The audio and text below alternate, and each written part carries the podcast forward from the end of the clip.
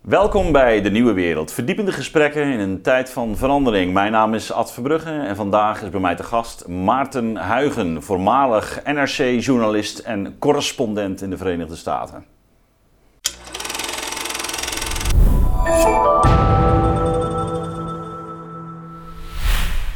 Maarten, hartelijk welkom hier in Leiden.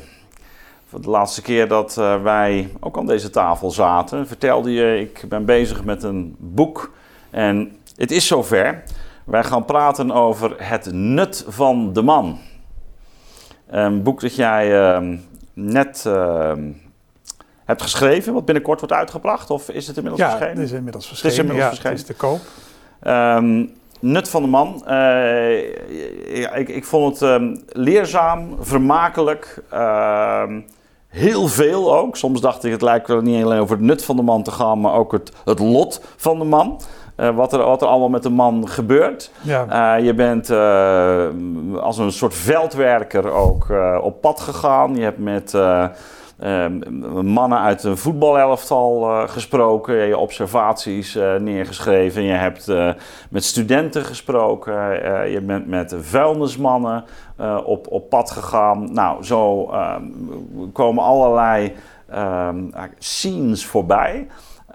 Tegelijkertijd zitten er ook allerlei vergelijkingen in met wat jij hebt meegemaakt in de, de, de Verenigde Staten. Put je ook uit uh, wetenschappelijke literatuur. Um, uh, je gaat in op de, de MeToo-discussie. je laat zien ba op, basis van sociologische gegevens wat voor verschuivingen er optreden. Nou ja, het is, het is echt een, een hele kluwe aan informatie waarin die man, de hedendaagse man, ehm, wordt geschilderd door jou. En.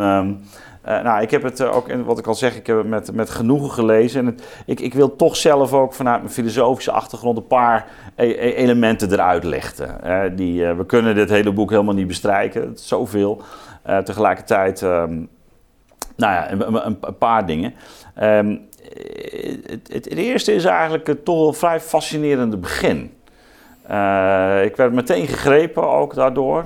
Um, Misschien aardig ook, ook voor, voor, voor de kijker zelf, om, eh, om dat begin door die, ja, in jouw woorden, door jou te laten schetsen. Want je, je, je, je vertelt over die Italiaanse uh, scheepsramp van een aantal jaren geleden. En je zet dat af tegen de ondergang van de Titanic.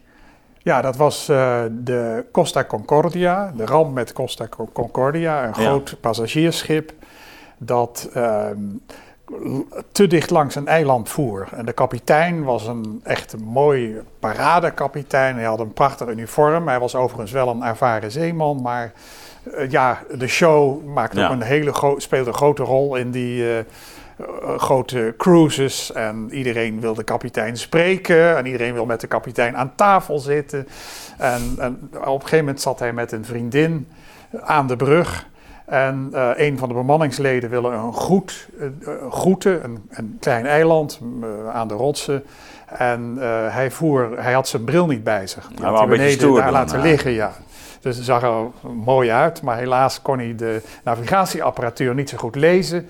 En hij voer wat te dicht langs de kust. En toen is het schip gestrand op een rots en is, heeft het slagzij gemaakt. En uh, de kapitein zei toen dat hij in een reddingsboot viel. Dus hij was eigenlijk ja. uh, heel snel van het schip af. Ja. En uh, het duurde ook vrij lang voor de redding was. Dat, nou ja, dat allemaal hele, waar dat allemaal aan lag, aan, aan, dat, aan de scheepvaartmaatschappij. Maar ze wilden hem eigenlijk toch weer terug op dat schip. Maar hij was kennelijk bang, dus hij durfde niet terug op dat schip. En hij is later ook... Heeft dat is een van die reddingsboten die... Uh, ja, die, die, die, hij is in een reddingsboot ja. gevallen, zei hij zelf. En hij wilde niet terug, hoewel het dringend uh, advies natuurlijk van de reddingmaatschappij uh, ja. om uh, zo snel mogelijk de weer terug te gaan. De kapitein verlaat doorgaans ja. als laatste het schip. En het ja. was natuurlijk een chaos, want het schip maakte enorm slagzij en niet alle reddingsboten konden, konden worden gelanceerd. Ja. En er was ook geen, geen orde. Er was, uh, iedereen verdrong, alle mensen verdrongen elkaar.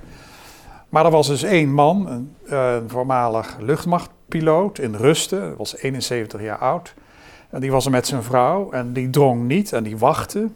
En uh, die uh, heeft op een gegeven moment een, toch een zwemvest gepakt. Want iedereen verdrong zich om die zwemvesten. Er waren te weinig zwemvesten. En toen heeft hij er een gepakt voor zijn vrouw. En toen heeft hij gezegd, uh, nou, ehm, we gaan er nu in. Kan niet anders, er zijn reddingsboten ja. meer.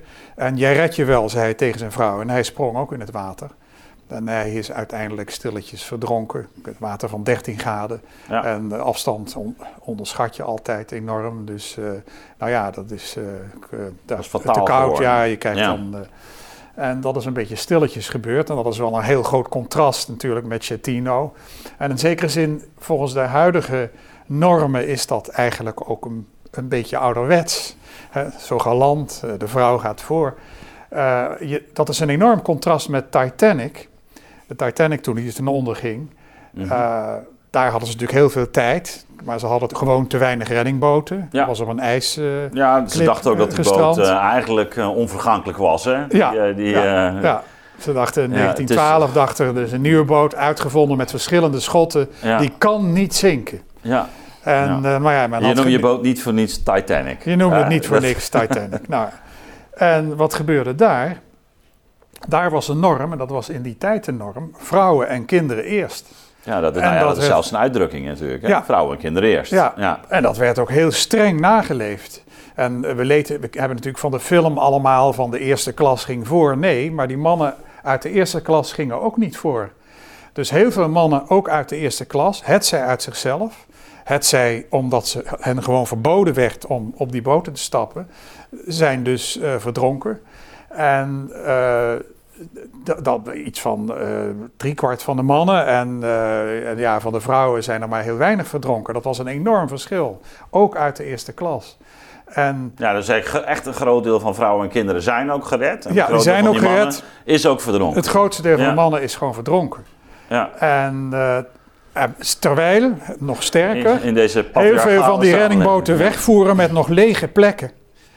Daar hadden de mannen nog best kunnen zitten. Ja, ja, ja. ja. Maar dat, ja. En nu, volgens de huidige norm, is natuurlijk vrouwen en kinderen eerst. Dat is helemaal uh, nou, je hoort het nog wel, maar... Je hoort het nog wel, maar uh, misschien ook wel omdat... Uh, ja, vrouwen waren natuurlijk lange tijd... Gold natuurlijk, mannen zijn vervangbaar. Ja. Mannen kunnen best dood, want ja, voor de voortplanting zijn ze veel minder belangrijk dan vrouwen. Ja, één vrouw kan een heleboel, of één man kan Eén een man kan een heleboel ja. kinderen verwekken en vrouwen kunnen dat, ja, die kunnen maar heel weinig kinderen krijgen. Dus vanuit een overleving van de soort, en dat blijkt ook dat, in alle, dat uh, wij van veel meer uh, vrouwen afstammen dan van mannen. Dus mannen hebben zich veel minder kunnen voortplanten in het verleden dan vrouwen. Ja, maar goed, dat is, dat is de evolutionaire verklaring. Dat is de We hebben hier- we hebben hier natuurlijk duidelijk een cultureel verschil. Want bij die, bij die Italiaanse boot is het aantal vrouwelijke slachtoffers veel hoger. Hè? Is, is hoger, ja. Is Ja. iets hoger dan uh, van mannen. En het was een grote chaos. En het was, er waren eigenlijk geen regels, er was geen orde. Nee. Dus uh, iedereen drong maar en er waren te weinig boten en de kapitein was niet aanwezig. Dus er zijn er uiteindelijk 31 verdronken of twee, nou in ieder geval 17 uh, vrouwen en 16 mannen, weet ik, of, of 15, in ieder geval. uh, Ja, ja, oké. Dus Ja. het waren iets meer, en dat zou dus in de Titanic echt onmogelijk zijn. Ja. En nu, als vrouwen voorrang wordt verleend, tenminste in dit soort situaties, of in, in beleefdheidssituaties, wordt dat geassocieerd met welwillend seksisme. Want dat is dan vrouwen op een voetstuk plaatsen. Dus als je vrouwen te veel, natuurlijk vrouwen voorrang geven met positieve discriminatie, een ander verhaal. Maar in situaties van beleefdheid en deuren Ja, de openhouden deuren enzovoort, ja. ja, dan is dat eigenlijk, dan wordt dat vaak ge- geassocieerd. Er is zelfs onderzoek naar. Mannen die heel galant zijn, die zijn dan ook seksistisch, volgens een of ander psychologisch onderzoek. Dus die normen zijn helemaal veranderd. Ja. Dus vrouwen en kinderen eerst geldt eigenlijk niet meer. Nou, Eh, iedereen is een individu en je, moet, eh, je ja. moet gewoon voor Ja. eh, het, je self-interested rational animal. Dus Ja, je, je eigen belang, gewoon zorg dat je op zo'n boot komt. Dat heeft die kapitein in ieder geval goed doorgehad. Dat heeft die kapitein goed doorgehad. En het is natuurlijk wel zo dat men kinderen toch wil sparen, nog steeds. Maar zo geheel formeel, zoals het toen was, bestaat het niet meer. Ja. Ja, dat is het. Ik bedoel, daar wijst natuurlijk eigenlijk op, op, op een van de paradoxale of ronduit soms zelfs tegenstrijdige ontwikkelingen van, uh, in, in de man-vrouw uh, verhouding.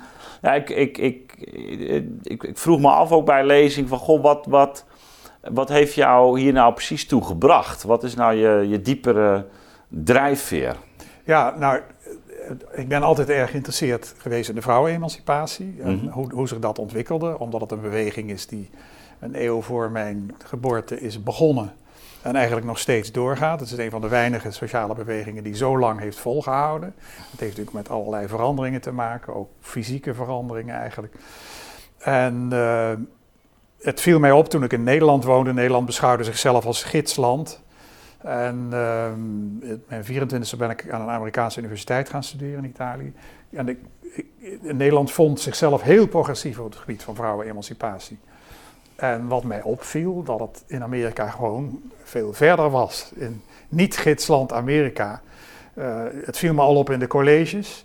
Dat uh, ik gewend was dat vrouwen die heel goed waren, zeker even goed als ik, uh, altijd hun mond hielden tijdens colleges. In, in, de, in de colleges in Amerika praten vrouwen evenveel als mannen. Dus uh, was die discussie geheel gelijkwaardig. Dat was in Nederland in mijn generatie nog niet. Nu is dat uiteraard wel zo. Um, en ik, ik, nou, ik, ik, ik, weet het niet eens. Ik bedoel, ik kan maar zelfs in de, de, college zou je wel eens gelijk in kunnen hebben. Maar ik merk bijvoorbeeld, uh, toch het nodige gedaan voor televisie. Uh, en zoals bijvoorbeeld ook bij het Filosofisch Quintet, maar we merken het zelfs hier ook wel. Um, dat dat uh, het, het lastig was om, om vrouwen aan tafel te krijgen. Ja, nou, dat is, uh, nee, maar dat is nog steeds ja. zo. Dat, dat vrouwen echt, eerder uh, denken ja. dat ze, ja. dat zouden ze van mannen kunnen leren. Ja. Dat je niet voortdurend moet denken dat je niet genoeg hebt gedaan en het niet genoeg weet. Dat is, dat is nou, jouw vrouw had er in ieder geval geen last van, want ik heb er hier ook aan tafel ja, gehad. Precies. Hè, bij, uh, nee, die bij heeft er geen last van. Die, ja. Maar goed, dus dat, dat viel mij op en ik heb er ook al over geschreven, over de kwestie. Maar, en, en de laatste tijd, en zeker een stroomversnelling in 2000. Uh, sinds uh, MeToo, mm -hmm. is, uh, is de negatieve beeld van mannen is in een stroomverstelling Je trekt het je aan. Van mannen oh. als, als soort. En, en ook heel sterk dat alles, alle ongelijkheid, alles wat ongelijk is tussen mannen en vrouwen, dat dat toch eigenlijk aan mannen en mannelijke onderdrukking is te wijten. Ja. Alsof vrouwen geen, geen wil hebben in, in ja. een vrij land als bij ons. En nou ja, er zijn allerlei uitdrukkingen zoals... Uh, uh, je hebt natuurlijk in de eerste plaats MeToo. Dat is maar een heel beperkte groep mannen die zich hier aan heeft. He, je kunt dat niet projecteren nee. op alle mannen. Je kunt nee. niet zeggen, uh, zoals schrijver Philip Huff zei, zei, dat elke man gedenkt wel dat elke man het gezicht van een dader heeft. Ja. En, maar je had ook mansplaining van Rebecca Solnit. Dat vind ik trouwens een heel mooi voorbeeld. Uh, Joyce Rooknat gebruikte de term monoloog. Dat vind ik eigenlijk een mooiere term. Een die monoloog. Zou, die zouden ja, we hier moeten film, gebruiken. Ik vind hem heel mooi, ja, ja monoloog. Ja. En ik denk dat het wel klopt dat mannen monologen houden, maar ze houden ze... En ook wel tegen mensen die, die het ook weten. Ja. Het is mij ook overkomen dat mannen tegen mij monologen hielden, net zoals tegenover vrouwen. En eerlijk gezegd, ik maak me er zelf ook schuldig ja. uh, over. Als je bijvoorbeeld een grap niet begrijpt. Als je een grap niet begrijpt, dan ga je het uitleggen en dan later, ach... Dan heb je eigenlijk iemand onderschat die ja. een grap maakte. Ja. Dus het gebeurt ook tegen mannen. En er is de neiging om als iets tegenover ja, vrouwen die, die... te gebeurt, dat men dan denkt, ja, maar dat is specifiek tegen vrouwen, maar dat is dan gedacht wat mannen ook tegenover, ander, tegenover man, andere mannen vertonen. Ja, ja, ja, ja, precies. Nee, dus, dus, dus, maar je zegt van dus vanaf 2016, 17 eh, ging het je eigenlijk ook... Uh, 2017, ja, precies. Ja, of uh, 17 ging het je ook, ook meer ja. storen. Of in ieder geval, uh, je, je, wilde daar een, ook een, een, een weerwoord of een antwoord. een, een... Ja, ja, voor een ander voorbeeld is Hannah Rosen, dat is een prachtig boek. Hè? Het einde, maar het einde van de man. Ja. Ja, natuurlijk. Mannen zitten zich altijd, hè, vrouwen en mannen overlappen elkaar mm. grotendeels. Uh, er, zijn, er zijn wat verschillende accenten. Maar mannen bevinden zich veel meer aan de extreme. Dus je kunt altijd extreme slechte, extreem verkeerde, extreem mislukte mannen vinden. Naast extreem. Ja, dat vond ik ook wel een van heel herkenbare ook. Ik herken heel veel dingen en ik, ik heb ze ook regelmatig in discussies ook al uh, naar voren gebracht. Ik zie het natuurlijk ook bij, bij mijn eigen studenten, zie het bij mijn eigen kinderen. Ik bedoel, ehm, toch, toch bepaalde patronen die ja, uh, seksengebonden zijn. Hè? Of, en wel een beetje genderachtig, af en toe ook wel een vrouw, hè, de, bekende uitzondering die de regel bevestigt. Maar over het algemeen wel uh, toch, toch en dat, dat van die extreme vond ik inderdaad een heel uh, uitgesproken voorbeeld ook. Ja. Dus maar misschien even die uh, maar eens even uit de doeken doen. Wat, hè, want want de, de, vrouw zit meer in de normaalverdeling. Ja? Die zit meer in het midden van de normaalverdeling. Dus vrouwen kunnen eigenlijk alles wat mannen ook kunnen. Maar ze hebben, ze, ze, hebben minder neiging om extreme risico's te nemen. Ja. Uh, en uh, in de, volgens de richtlijnen van de Amerikaanse Vereniging van Psychologen staat zelfs ook dat die verkeerde mannelijkheid is ook riskant gedrag. Maar goed, riskant gedrag kan ook vrucht afwerpen in het verleden. Ja, maar, maar, maar, dan zie je dus bij die extreme dat mannen ook enorm uit buiten de boot kunnen gaan vallen. Hè? Ze kunnen ook uit de boot, ze kunnen natuurlijk... Eh, de zwervers. In, in motorbendes. Ik heb nog nooit een vrouwelijke motorbende gezien. Uh, ja. Uh, crimineel gedrag. Nou ja, de afgelopen twee weken geleden ook die, die, die uh, rellen, ja, dat zijn toch hoofdzakelijk mannen dat plunderen. ja, dat, uh, ja. ja. nee, daar kun je genoeg. Eh, daklozen, ja, er zijn vele voorbeelden van mislukte ja. mannen die in gedeindustrialiseerde gebieden, heb je vooral bij praktisch opgeleide mannen of heel slecht opgeleide mannen, die hadden altijd een, een plek in lopende bandwerk. Ja. Dat lopende bandwerk is ja, dat wordt steeds meer afgeschaft, ja. wordt gerobotiseerd. En die mannen weten dan vaak niet meer, wat moet ik dan, wat is mijn rol dan nog? En dan hebben ze vaak, en als ze dan een relatie hebben, en die vrouw werkt in de zorg, dat beschrijft ook Hannah Rose in. En die man die... Uh, die zit, ook nog niet eens iets in de keuken. Ja, wat heb je dan, nee, aan? Die zit dan uh, thuis op de bank, wat, is die aan het gamen. Wat ja. en gamen, ja. Wat heb je dan aan? Aan de andere kant, ja, mannen zitten nog steeds uh, vooral, in, dat is weer gek, in hele vrije landen, dat vrouwen juist daar nog steeds heel sterk beta en techniek mijden. Dat is nog steeds een hele mannelijke wereld. Ja, is ook zo Software is ook een mannelijke wereld. Dat is ook zo mooi. Laten we die dan toch even apart eruit lichten. Hè, als we toch naar een extreem, ja. uh, extreem gaan. Maar dit is dan even een, een klein uh, uitweidingje. Dat je laat zien hoe in zogenaamd dan, uh, zeer uh, geëmancipeerde landen, waar er ook, ook deels van overheidswegen gelijkheid wordt afgedwongen. En vrouwen toch en, en, ja, grote vrijheid ja, hebben. En, en, grote vrijheid hebben. sterker nog, zelfs ook hele motivatie. Pro, propaganda over zich heen krijgen. Ja. Kies exact en, en, noem maar, maar op. Maar dat je ziet dat daar eigenlijk dus die, die seksenverschillen juist toenemen. Dus Scandinavië, Nederland. Uh, en een daarvan is bijvoorbeeld uh, ook exacte vakken. Hè?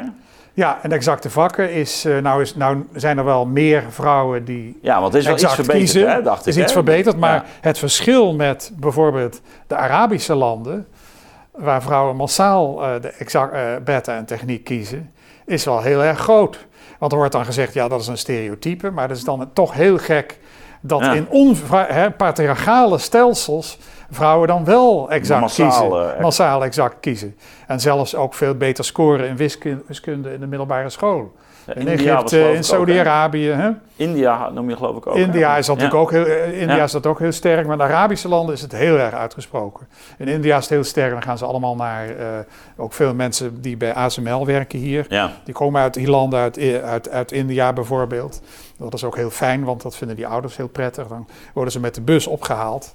En dan worden ze naar die uh, scholen gebracht en dan worden ze daar opgeleid in, in uh, software en uh, in, in, computertechniek. Ja. ja. En IT.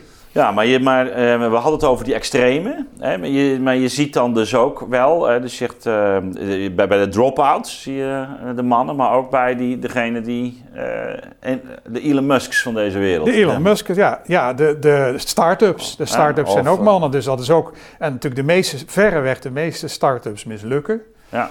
Maar uh, het, is, het is nog steeds zo, ook bij Google, daar was dat hele incident met James Damore, die daar een, uh, een, uh, een, memo, die werd verzocht om een memo, die heeft een memo erover geschreven. En die zei, ja, we moeten eigenlijk part-time werk mogelijk maken, want vrouwen werken minder bij ons. En nou ja, het allemaal filosofieën waarop hij is aangevallen.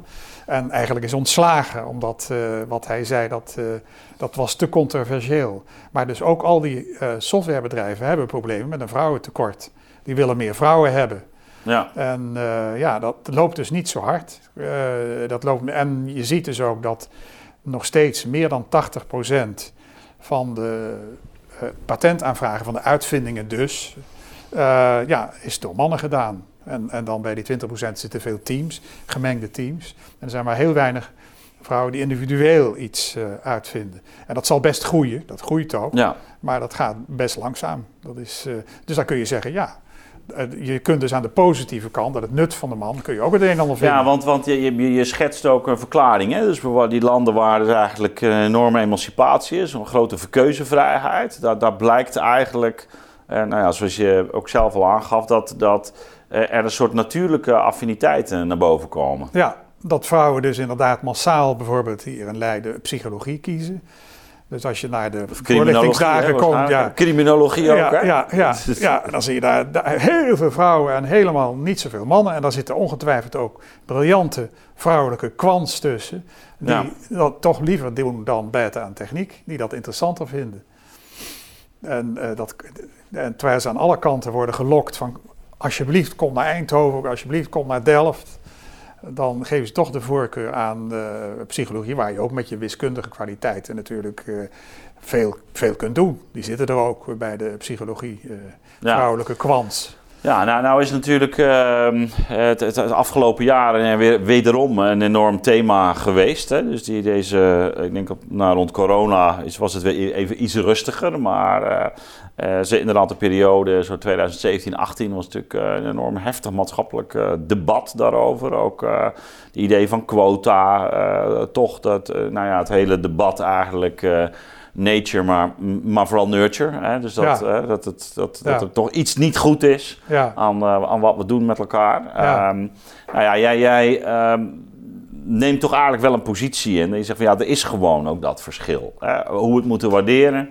Uh, hoe we ermee om moeten gaan is een tweede. Maar je lijkt toch heel duidelijk ook, ook nou, dit te aanvaarden, om het zomaar uh, er, te, te er, is, er is zeker een verschil en er is eindeloos veel discussie of het nou uh, aanleg is of omgeving. En er zijn mensen die zeggen, dit, hè, was laatst weer een boek van Iris Sommer, die zei van NRC, het is, voor driekwart is het aanleg.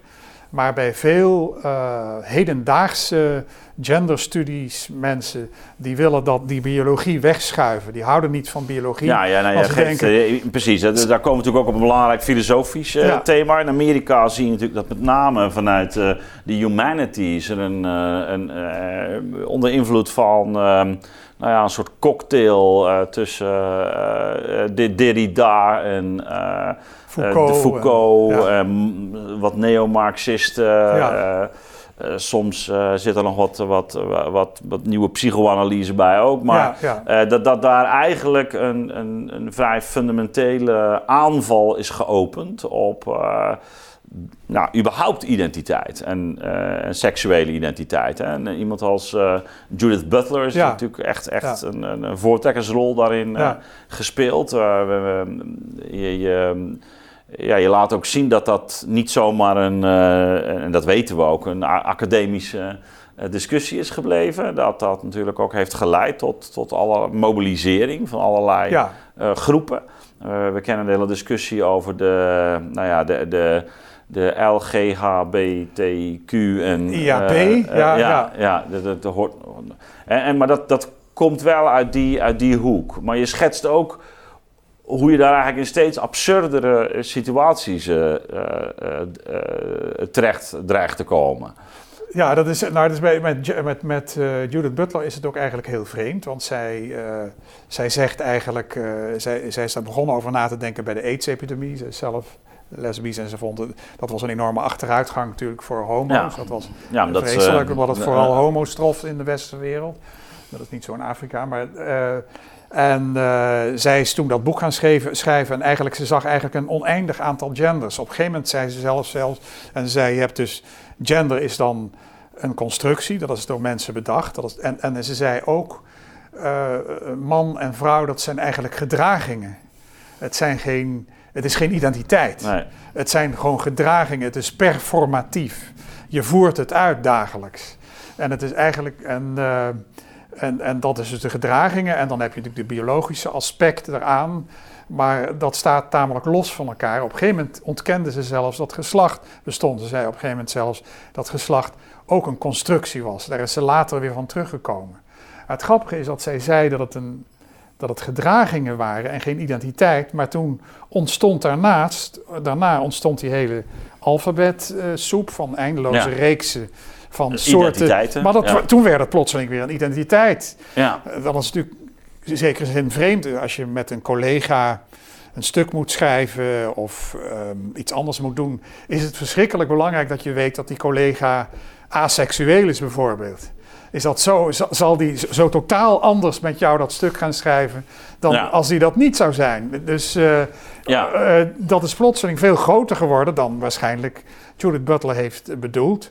En je had het dus ook bij eh, transgenders die op een gegeven moment, een kleine groep die daarvan zei, ja, ik ben eigenlijk al transgender voor mijn geboorte. Dus mensen die, die, die denken, hè, het is gender dat is, dat is een hele kleine minderheid mensen die dat heeft.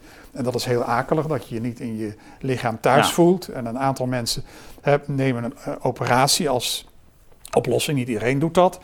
En eh, op een gegeven moment was er een kleine groep militante transgenders, dat vooral in Engeland en in Amerika, die zeiden: ja, maar je moet ook accepteren dat ik al een vrouw die dan, eh, dat ik al voor de geboorte deze identiteit had. En ja, dan wordt het natuurlijk heel absurd. Voor die, ver voor de operatie, voordat ik was geboren, had ik al deze identiteit. En dat moet je erkennen. Terwijl, ja, dat kun je niet.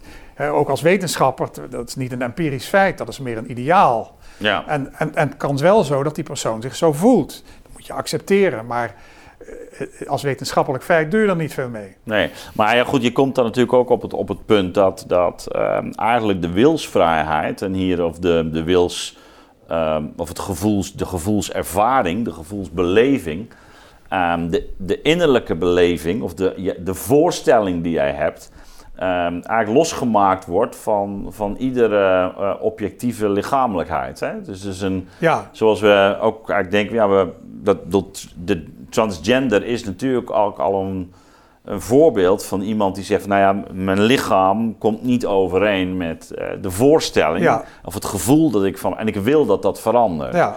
Nou, we hebben dat natuurlijk ook mogelijk gemaakt. Eh, Ja. Dat is eh, zeker de. En voor een aantal mensen is dat echt is een ook echt oplossing. een, uit, is het ook echt, Echt een uitkomst oplossing, gebleken? Ja, dus dat is voor de ook, eh, meerderheid eigenlijk wel. ja. Ja. Dus dus, dus je, zie, je ziet dus inderdaad dat, ehm, nou ja, dat, dat, dat lichaam dus op een, op een hele nieuwe manier eigenlijk aanwezig is. Hè. Dus, dus het, het wordt nu iets waarmee je kan samenvallen of niet kan samenvallen. ja. Maar ehm, het, het bevestigt eigenlijk, en dat is het, eh, dat het lichaam juist ook weer als wezenlijk wordt ervaren. Ik heb dat in staat van verwarring eigenlijk ook die ja paradox ja. geschetst. Hè? Dus het, is, en het lichaam is onwezenlijk. In de zin van, ja, mijn voorstelling kan een andere zijn. Maar dat is wel een voorstelling van een lichaam waarbij ik eh, toch dat lichaam weer als wezenlijk neem. Nee, dus in die zin hoort het zijn transseksuele binair. Ja, Dat is absoluut. precies, Ja. terwijl eh, eh, Judith Butler, die wilde juist zich afzetten tegen, Tegen die binair. binariteit. Die zei, ja, dat is een manier van heteroseksuele en mannelijke onderdrukking. Ja, dat, zo, zo noemt zij dat. Dus zij wil een oneindig aantal genders. Maar eh, transgenders willen juist heel erg man of vrouw. En Ja. een transvrouw is gewoon een vrouw. ja, Eh, zeker als geopereerd is, dan is het een vrouw, een man die een vrouw is geworden. En zij heeft ook biologische kenmerken. En, de, eh, en, en, eh, en de, een transman ook, die, die, heeft dan, die slikt ook eh, hormonen. En die voelt zich ook echt een man, want testosteron geeft je toch een ander gevoel dan als je het niet slikt. ja. overigens Je kunt ook wel- minder goed huilen als je testosteron slikt. Ja, ja Dus dat is een het- mooi. Ja, daar misschien, tranen, kunnen we het ja. misschien zo nog even over hebben. Ja. Ehm, waar ik nog aan moet eh, denken. Want het is natuurlijk heel de vraag ook naar eigenlijk de moderne of de postmoderne verhouding tot, tot ons lichaam. Hè, als, eh, als identiteitslocus. Heel dubbel, dubbelzinnig eigenlijk. Hè. Dus, ehm, eh, en, en daar kom je ook op, op hele lastige punten uit. Je, je schetst dat ook. Inmiddels is het natuurlijk ook bij medisch onderzoek wel gebleken dat het heel belangrijk is om dat, dat onderscheid tussen mannen en vrouwen te maken. Bijvoorbeeld waar het gaat om medicijnen. Ja, ja, en ja, precies. En daar wordt voortdurend gemeten dat vrouwen die hebben dan eerder uh, kwalen en mannen leven gemiddeld uh, drie jaar korter. Ja. Uh, wereldwijd is dat een heel groot verschil tussen mannen en vrouwen. Dat vrouwen langer leven, maar wat, wat meer sukkelen. Ja.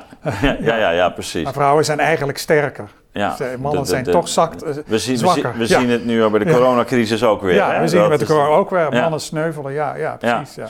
Maar, maar goed, de, eh, dus dat we, binnen de gezondheidswetenschap is het eigenlijk fysiologisch wel evident dat, dat we steeds meer juist gaan differentiëren. Ja. Uh, ook ook, uh, ook, ook in de geneeskunde, meer eisen voor uh, vrouwelijk, dat er te weinig rekening wordt gehouden met ja, precies. Kwalen. Dus, ja, Dus, dus daar gebruiken we dat als biologische categorie heel uitdrukkelijk. waar het tot spanningen leidt, is, is um, bijvoorbeeld in de wereld van sport. Hè? Dus ik, daar hoor je de laatste tijd ook, ook wel wat geluiden over. Dat, dat ja, wanneer mannen zich laten ombouwen tot, tot vrouw, dat ze eigenlijk in het voordeel zouden zijn hè, ten opzichte van. Ja, dat is een probleem. Ja, dat lijkt me. Nou, dat is een ander probleem ook. Dat uh, je hebt ook uh, kwesties waar.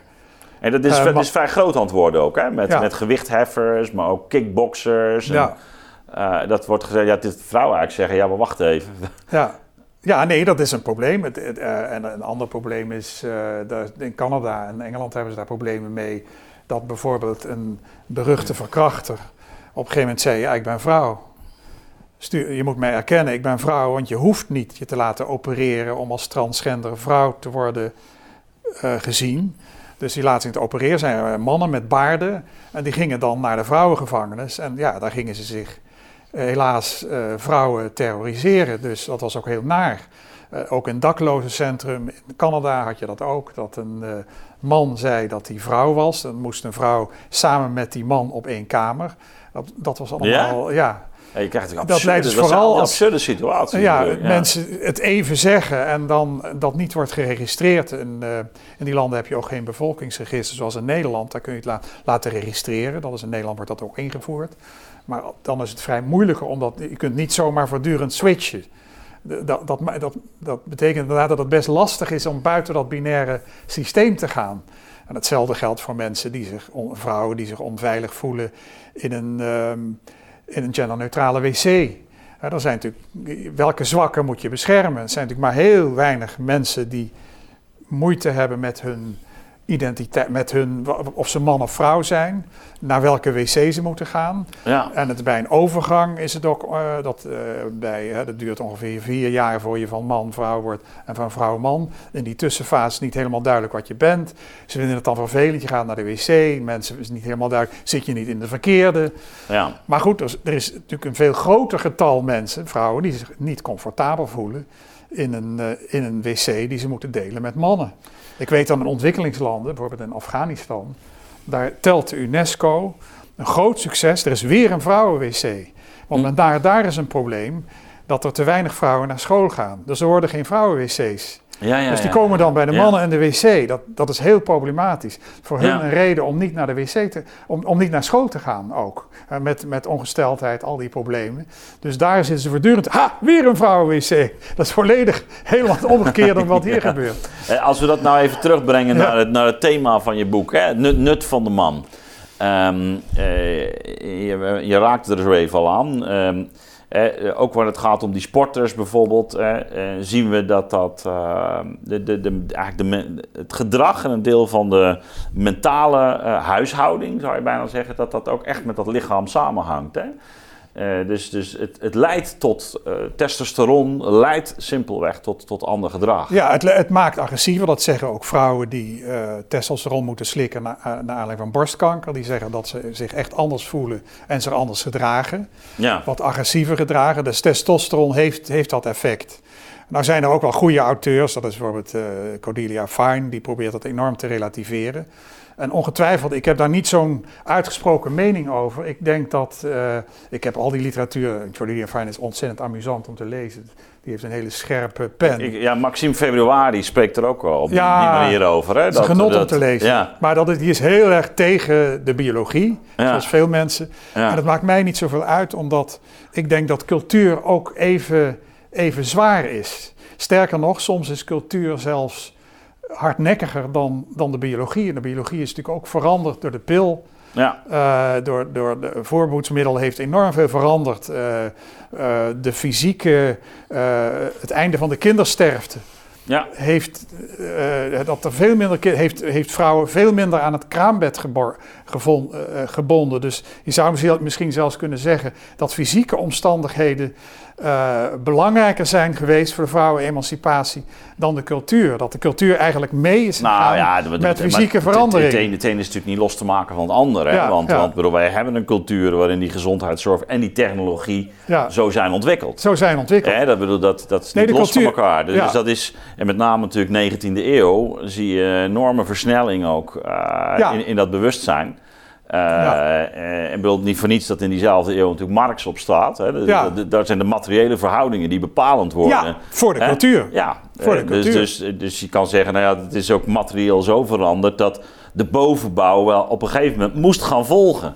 Ja, ja, de bovenmoest gaan volgen. Ja, dus je kunt zeggen dat, de, en dat heeft de vrouwenemancipatie enorm geholpen. Ik, ik denk dat, dat eh, inderdaad diezelfde technologie die toen overwegend door mannen overigens werd, werd dat die de vrouw natuurlijk enorm, heeft, heeft, enorm heeft geholpen. geholpen. Dus daarom is dat hele debat of het omgeving is of aanleg is eigenlijk niet zo vreselijk belangrijk. Omdat, omdat je kunt zeggen, nou, cultuur is ook. Het is allebei van, van, enig belang. Maar het is niet zo, als je helemaal zou bewezen dat het 100% cultuur was, dat het daarmee dus eventjes de overheid zou kunnen ingrijpen en mannen en vrouwen zou kunnen opheffen. Theoretisch, want dat is natuurlijk niet 100%. Ja. Uh, nee, maar je kan inderdaad uh, wel cultuur, zeggen, van door, precies door, door, door, die veranderende omgeving kan die natuur zich ook op andere manieren gaan manifesteren. Gaan ontwikkelen, ja. En gaan, ont gaan ontwikkelen. En dat is overigens ook wat je zelf uh, ook, ook laat zien. Hè? En, en, en dan zie epigenetisch. Je, ja, e epigenetisch, epigenetisch, maar je hebt het bijvoorbeeld ook over de lengte. Hè? Die, ja. die, uh, Grotere lengteverschil in, uh, in welvarende landen. Ja, omdat, lengteverschil. Ja. Mannen hebben meer last van voedseltekorten, dus, dus ze groeien dan echt beduidend minder. Vrouwen hebben daar minder last van. dus dan is het lengteverschil in landen waar minder goed gegeten wordt, is kleiner. Ja, ja, dus dat is ook in welvarende Dat is weer zo'nzelfde zo'nzelfde factor, zo'nzelfde ja, factor hè? Die, die daar een rol in, uh, in speelt. Um, ja, Maarten, dus je hebt ook verschillende, ik zei het al, milieus bezocht. Hè? Ja. Um, ik, ik, ben ook wel benieuwd, wat, wat, wat, trok je daar nou zo in aan om het, om het langs die weg te doen? nou, ik wilde omdat er natuurlijk hele wetenschappelijke literatuur over geschreven ik wil het ook zelf zien.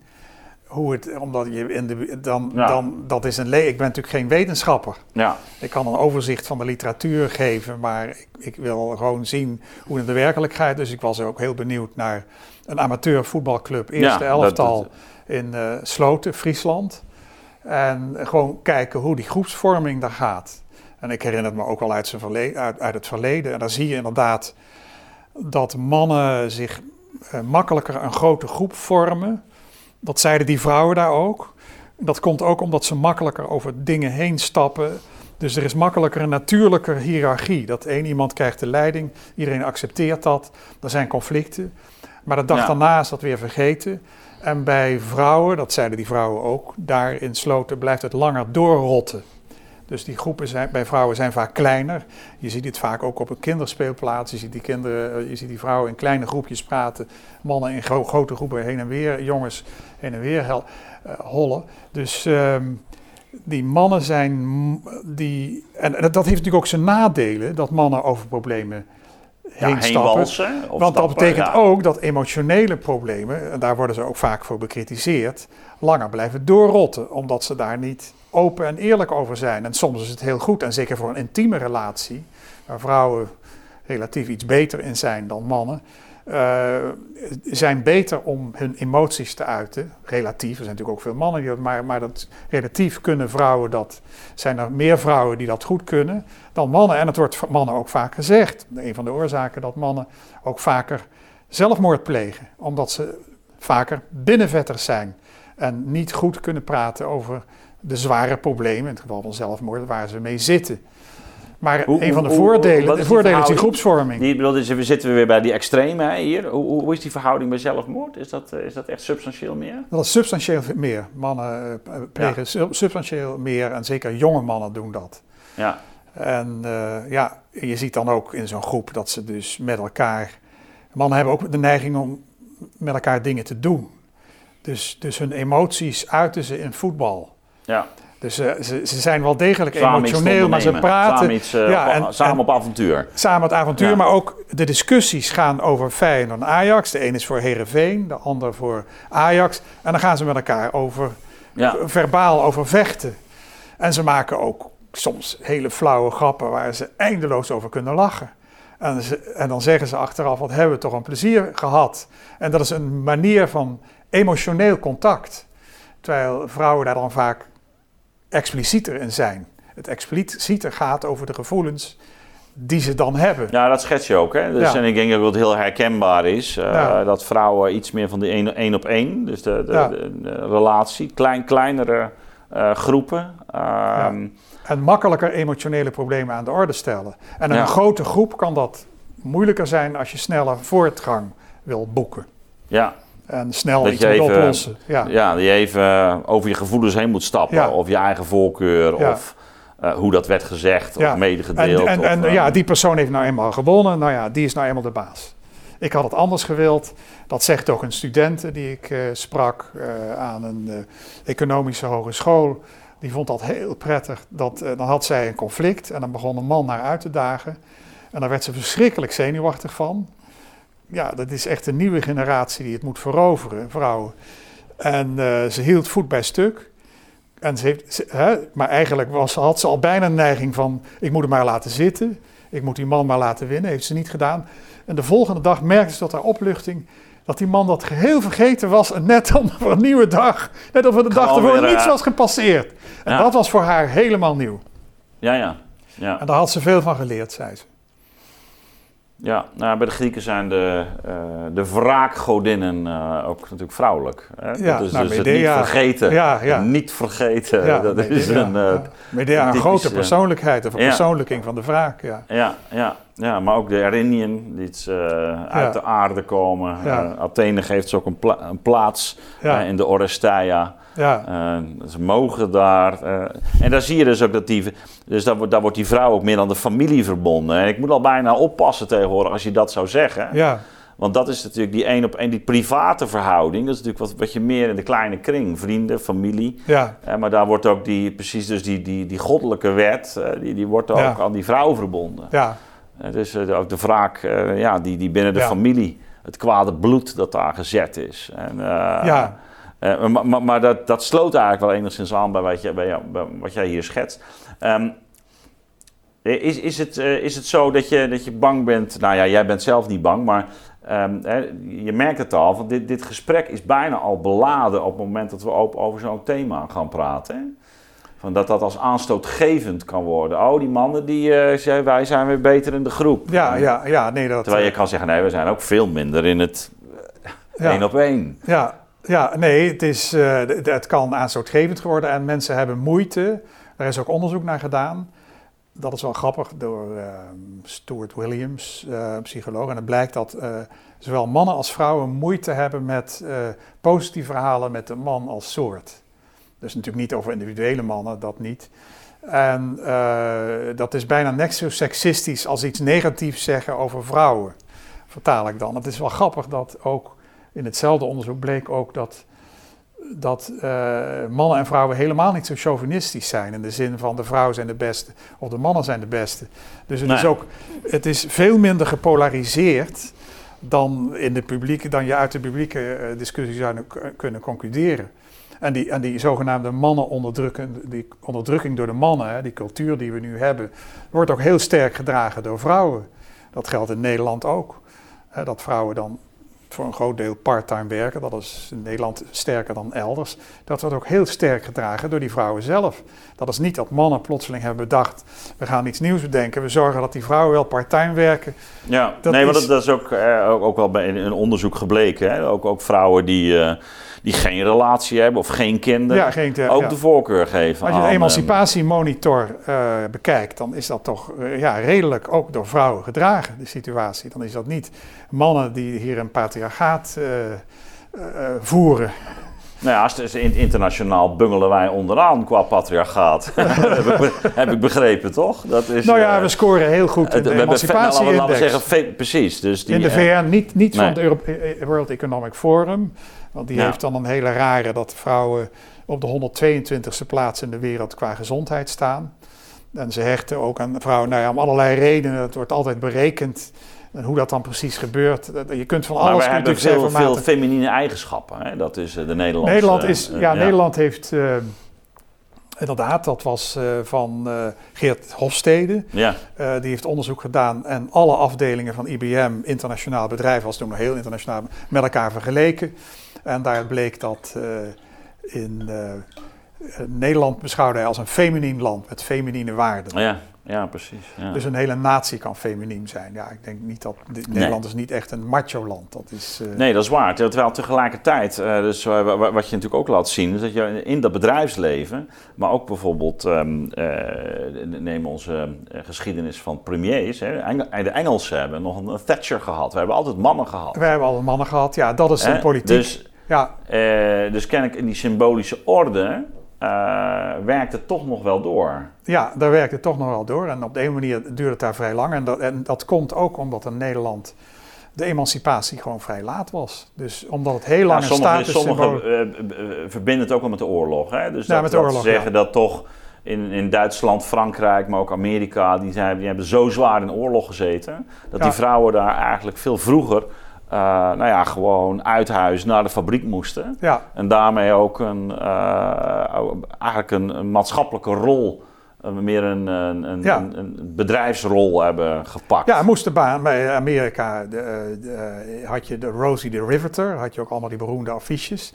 Vrouwen met grote tangen en aan Ja. de moer draaien de- en allemaal zware werk in fabrieken. En eh, plotseling moesten ze toen, in de tweede helft van de jaren 40, moesten ze weer terug. Toen moesten ze plotseling huisvrouw worden. Dat leidde natuurlijk to- tot enorme spanningen, want dat wilden Ja. ze helemaal niet. En die mannen, en ja, toen kreeg je de ba- babyboom, dus ze kregen ook heel veel Ja. kinderen. Maar ze waren Ja. de eerder dat vrouwen massaal de arbeidsmarkt opgingen dan, dan in Nederland. En eh, zelfs in België, waar mijn vader ook gewerkt heeft. eh, in België was, was gewoon, eh, gingen vrouwen eerder de in Frankrijk overal eerder. Nederland was gewoon vrij laat. En dat was een verworvenheid van de vakbeweging. Dat vrouwen niet hoefden te werken. Mijn moeder heeft nog ontslag moeten nemen toen ze eh, trouwde. Het was ook een burgerlijk ideaal, hè? Het was een burgerlijk Eh, ideaal. eh, eh, ja. Want dat is net bijna vrouwen en kinderen eerst. Ja. Als, als man heb je het goed gedaan wanneer je vrouw niet meer hoeft te werken. Ja. Dat was Nederland, de- heeft ja, Nederland heeft heel hard lang aan vastgehouden. En dat, dat zie je dus. Dat, dat, die, al die, dat vrouwen ook bij vrouwen in leidende functies in de politiek, dat is wat de World Economic For- Forum dan volgt, ja, eh, niet, niet erg snel is. Ja, Eh, nu, nu wel. Nu hebben we dus vier eh, vrouwelijke lijsttrekkers. Dat is gewoon Ja. voor het eerst. ja, ja. dat is... Ja. Ja, dat is maar ik denk dat dat, dat- ook wanneer je kijkt naar die cultuurgeschiedenis. ik heb hier ook eh, een tijdje geleden met, ehm, ik ben haar naam even kwijt, Sturkenboom was het, over de ballen van de koopman. Dus, waar dat, eh, dus als je ziet eh, zeg maar, de Ja. rol van de Nederlandse vrouw, maar Ja. die eigenlijk toch al in de, in de Gouden Eeuw toch al behoorlijk sterk was. Hè? Dus Ja. met eigen zaken, die, die ze... eh, het, het, het grootste gedeelte, geloof ik, van eh, de, de, de marktvergunningen stond op naam van, eh, van vrouwen. Ja, maar Rente de Moor, ook hoogleraar, die heeft daar onderzoek naar gedaan. Die heeft ook het hele, alle ondertrouwakten Mhm. met heel veel vrijwilligers doorzocht. Hoogleraar geschiedenis. En die in Amsterdam. En die zijn allemaal nog beschikbaar. 18e Ja. eeuw, allemaal nog zien. Mhm. En daaruit bleek vrouw, in tegenstelling tot aan het buitenland, ook eh, al heel vroeg eigen vermogens kon hebben. Ja, Dat is natuurlijk later, eh, in de 19e eeuw, is dat allemaal weer een, een deel teruggedraaid. Want het, gaat niet, het is niet alleen deze lijn, het ging ook golvend. met golf, ja. En veel van die weduwen, ja, dat waren allemaal hele goede zakenvrouwen. En ja. die hadden behoorlijke ook bij, zelfstandigheid qua Ja. vermogen. bij de kooplieden, maar ook waar je ziet inderdaad, eh, waar het gaat om die, die, die positie van die man. Eh, heel dubbel. Dus op een bepaalde manier ook in het buitenland het beeld van de Nederlander als een watje. Als een, eh, maar Ja. de kooplieden die eigenlijk niet durven te vechten. Maar dan juist op andere momenten eigenlijk toch, toch een hele andere kant. Hè, van, van in, in de 17e eeuw natuurlijk met onze grote zeehelden. Maar ook in handel juist weer vrij hard kunnen, kunnen, kunnen opereren. Maar dus dat is een heel gemaleerd beeld. Ja, in Vietnam ook, schijnen ook heel veel... Maar de Nederlandse vrouwen ook eigenlijk toch wel gezien als zeer dominant. Zeer dominant, ja. ja, Het vrouwtje van Stavoren. we hebben er zelfs een, een, een legende aan overgehouden. Ja, dus wat dat betreft ook heel gek dat we die geschiedenis ook zo eenduidig uh, lezen als een soort uh, onderdrukkingsgeschiedenis. Hè? Ja, tot, tot, op de dag van vandaag. Het is, het is, een, ja, het is, het is heel eenzijdig. En dat, omdat, omdat die uh, gender studies daar heel invloedrijk is geworden. En, en omdat het ook heel erg deductief uitgaat van een patriarchaat, van onderdrukking van, van vrouwen door mannen. Dus het is dan moeilijker, ja, dat is een filosofisch beginsel dat overal bewezen moet worden. Ja. En wat je niet overal kunt vinden, ja, dat... Uh... Nou ja, goed, jij doet in ieder geval veel uh, veld, veldwerk in, in, in dit boek. Ehm, je eindigt je boek ook mee bij de, bij de vuilnisman. En dat is misschien nog wel een aardige groep ook om mee, mee, mee af te sluiten. Ja. Ehm, het is duidelijk dat je daar ook echt wel een zwak voor hebt. Ja, ik heb het opgedragen aan de ja. vuilnismannen. Uh, de vuilnismannen van Rotterdam en Schiedam. En uh, ik heb ook een aangeboden filmpje van gemaakt. Uh, want zij, er is natuurlijk geen. dat, dat is zwaar lichamelijk werk. Ja. En vrouwen dringen niet enorm aan op quota bij vuilnismannen. Dat is een soort banen waar je veel mannen vindt. Je ziet ook wel aan de andere kant een mechanisering. Dus uh, waar vroeger drie mensen op een vuilniswagen stonden, twee om de zakken of erin te gooien en één chaufferen, kan nu één persoon het. Want die trekt gewoon de, met een stalen arm de uh, container uit de grond. En uh, dan kun je natuurlijk wel denken, ja, die, die, die stalen arm zal ongetwijfeld weer door een man en door een vuilnisman zijn bedacht. Mede door de vuilnismannen zijn bedacht. Maar dat is ook weer hun lot, want daardoor zijn er steeds meer ja. mannen voor nodig. Er waren trouwens ook vrouwen die meereden. En dat waren echt vrouwen die hun mannetje staan. Het was inderdaad opgedragen aan de vuilnismannen en de vuilnisvrouwen die hun ja. mannetje staan. En die het prettig vonden om in mannengroepen te werken. Die ook diezelfde verhalen hadden. Ja, ja geen probleem. Hè, de volgende oh, dag weer vergeten. Die vonden dat juist, die vonden dat juist heel fijn, ja. ja. En uh, daarom dacht ik, ja, dit is een groep. En het, ja, het zijn dan, uh, men, in, in de huidige doctrine zijn mannen geprivilegeerd. Nou, je kunt toch onmogelijk zeggen. Uh, maar daarmee negeer je natuurlijk tota-, totaal sociale klasse. Ja. Je kunt natuurlijk onmogelijk zeggen dat, dat vuilnismannen een geprivilegeerde klasse zijn. Nee. Net zo min als je kunt zeggen... De, de, witte man, de witte man. Ja, ja, ja net zo min als je kunt zeggen dat, dat de witte kamerbode van uh, de Kamervoorzitter van Marokkaanse afkomst, Khadija Arib, dat die geprivilegeerd is vergeleken bij Khadija Arib. Dat zijn natuurlijk absurde uitkomsten als je dat groepsdenken zo ongelooflijk doorvoert. Uh, ja. En ik denk dat je ook nou, rekening moet houden. Dat vind ik wel een hele relevante opmerking, omdat je natuurlijk met name nu merkt vanuit uh, nou ja, bepaalde uh, stromingen binnen links. Uh, misschien wat minder bij de SP, maar in Amerika, maar ook, ook, ook hier te landen, dat natuurlijk heel sterk dat discours over die geprivilegeerde witte man wordt gehanteerd. En daarom vond ik dat ook wel aardig dat je eindigt met die vuilnisman. Het deed me ook denken aan trouwens aan dat boek van uh, Martin van Kreeveld, die, die krijgshistoricus. Ja, ik hoorde dat hij ook een boek heeft geschreven ja, over... De, de, de, de Privileged Sex. Het is, ook, het is ook vertalen, de, be, vertaald, de, de bevoorrechte seksen. Um, en waarin hij juist schetst dat dus al die nare, gore, vieze, zware, risicovolle beroepen, dat die vergeven zijn, eigenlijk hoofdzakelijk mannen. Dus hij heeft het over uh, ja, dus de diepzeeduikers, die mensen die uh, dat werk doen aan boord van uh, schepen. Dus die grote, die, die, die, die, die, die containerschepen, die, die, uh, op, die, op, op olieplatforms, dat schoonmaken, ja. dat werk eigenlijk. Al, ja, wat wij zeggen, nou, op, op schepen, schippers, vissers. Ja, vissers. nou, het is voor, ja, ze, mannen zijn vervangbaar. En als je dat negeert, ook in de politiek, als je sociale klasse negeert, als je alleen maar als als eigenlijk hoogopgeleide klasse, want ik ben natuurlijk geprivilegeerd als duidelijk. Ja. Ik ben Ja. een witte geprivilegeerde man. Als je Ja. mij vertelt, dan zal ik knikken. Maar ik zou, ik zou het belachelijk vinden als je dat ook van een, van een vuilnisman zegt. Of iemand die heel zwaar werk doet. En als je dat ook als politiek negeert. Ja, maar dat is wel dan- interessant, Dan dan, ze dan naar... je, je geprivilegeerd eh, omdat je in een positie nu terecht bent gekomen. Niet alleen omdat je man bent natuurlijk, Ja. maar ook juist omdat je uit een bepaald milieu komt, opleiding hebt genoten, Ja, ja. eh, misschien toch ook nog wel je best voor ervoor heeft, hebt gedaan. Ik heb uiteraard ook mijn beste maar- voor gedaan. Ja, ja. ehm, eh, maar niet alleen maar qua man. Dat is denk ik... eh, ja. Want, want die, die, die gasten die daar dat vuile werk doen, eh, ja, die zijn niet geprivilegeerd. En zijn qua man toch wel zwaar in de meerderheid. Hè?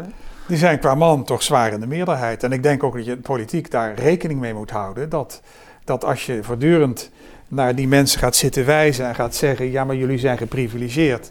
Nou, daar kun je geen kiezers mee winnen. Zou dat, zou dat een deel van de populariteit van, van Trump zijn ook, denk je? Ik denk zeker dat identiteitspolitiek. eh, Dat drijft een deel van die... nou, het, het, het helpt enorm de extreemrechtse partijen. Want extreemrechtse partijen drijven op identiteitspolitiek. Ja. Je gaat precies op hun terrein, die gaan dan helemaal, ja, en die winnen dan. Ja, uiteraard. Als je er echt, echt eh, helemaal eh, de samenleving in groepen gaat indelen, want ik, ik, ben, daar, ik ben er ook niet voor om, men, alles in Ja. mannen en vrouwen in te delen. Nee. Het is gewoon, ik heb het over statistische tendentie, tendensen, maar eh, als, je dat, als je dat heel erg doorvoert, dan wint rechts.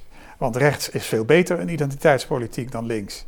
Dat ga je in allerlei kleine groe- subgroepjes indelen die allemaal elkaar de tent uitvechten. Ja, nee, maar dat zie je natuurlijk bij Dat, links eh, nu zelf. ja. Dus dat het fragment, ik bedoel, dat zag je al bij Ja, de LG, ja, BTQ, ja, ja. eh, Iedereen die werden op een gegeven moment ook. eh, en ik kan me herinneren dat op. Was het nou Judith Butler zelf? Maar. ehm, of was het bij eh, hier te landen? Dat, ik weet het niet meer. Maar op, op, dat op bepaald moment dus. Ehm, eh, mensen die het opnamen voor. ehm, nee, volgens mij was het zelfs hier bij eh, Sonny Bergman. Die het eh, opnam voor zwarte. Dat dat, dat eigenlijk dus een soort toe-eigening was. Want Ja, wordt dan een culturele, ja, dan Ja, krijg je zij- allemaal dat soort absurde... wist, ja, dus zij wist niet wat het was. ja, ja, Dus ze konden er eigenlijk niet over spreken. weet Ja. je. Dus je mag al niet meedoen, omdat je... Ja, dan wordt het dus ook, ook extreem racistisch natuurlijk. Nou ja, wij mogen eigenlijk niet over mannen spreken, want wij zijn mannen. Ja. Wij zijn zelf van de geprivilegeerde. Dan krijg je dat. Dan gaat het, alleen vrouwen hebben daar verstand van, die onderdrukt worden. En, en vrouwen mogen ook, mannen mogen ook niet over vrouwen. Dus dan krijg je allemaal dat soort absurde eh, redeneringen. Ja, en dat is natuurlijk heel. Dat is volgens mij een van de redenen waarom. eh, dat heeft Trump zeker eh, geholpen. En, en het speelt nu ook, eh, denk ik, als, als Biden de identiteitspolitiek te ver zware voert. aanzet, ja. Ja. Ik, heb, ik, heb dat, dat, dat, ik had een gesprek hier met Govert Buis ook Ja. daarover. Dat dat wordt onderschat hoe zwaar dat zeker in de Verenigde Staten ook in de richting van nou ja, de groepen die traditioneel family values Ja. aanhangen. Eh, en, en dat is niet alleen maar eh, de, de, de, de hoogopgeleide conservatief, maar, maar juist ook de gewone Amerikaan. Nou ja, het, het, het- wat natuurlijk heel schadelijk was voor Biden was afgelopen zomer eh, al die plunderpartijen. Ja. En vervolgens de beweging onder democratische lokale politici, die fund the police.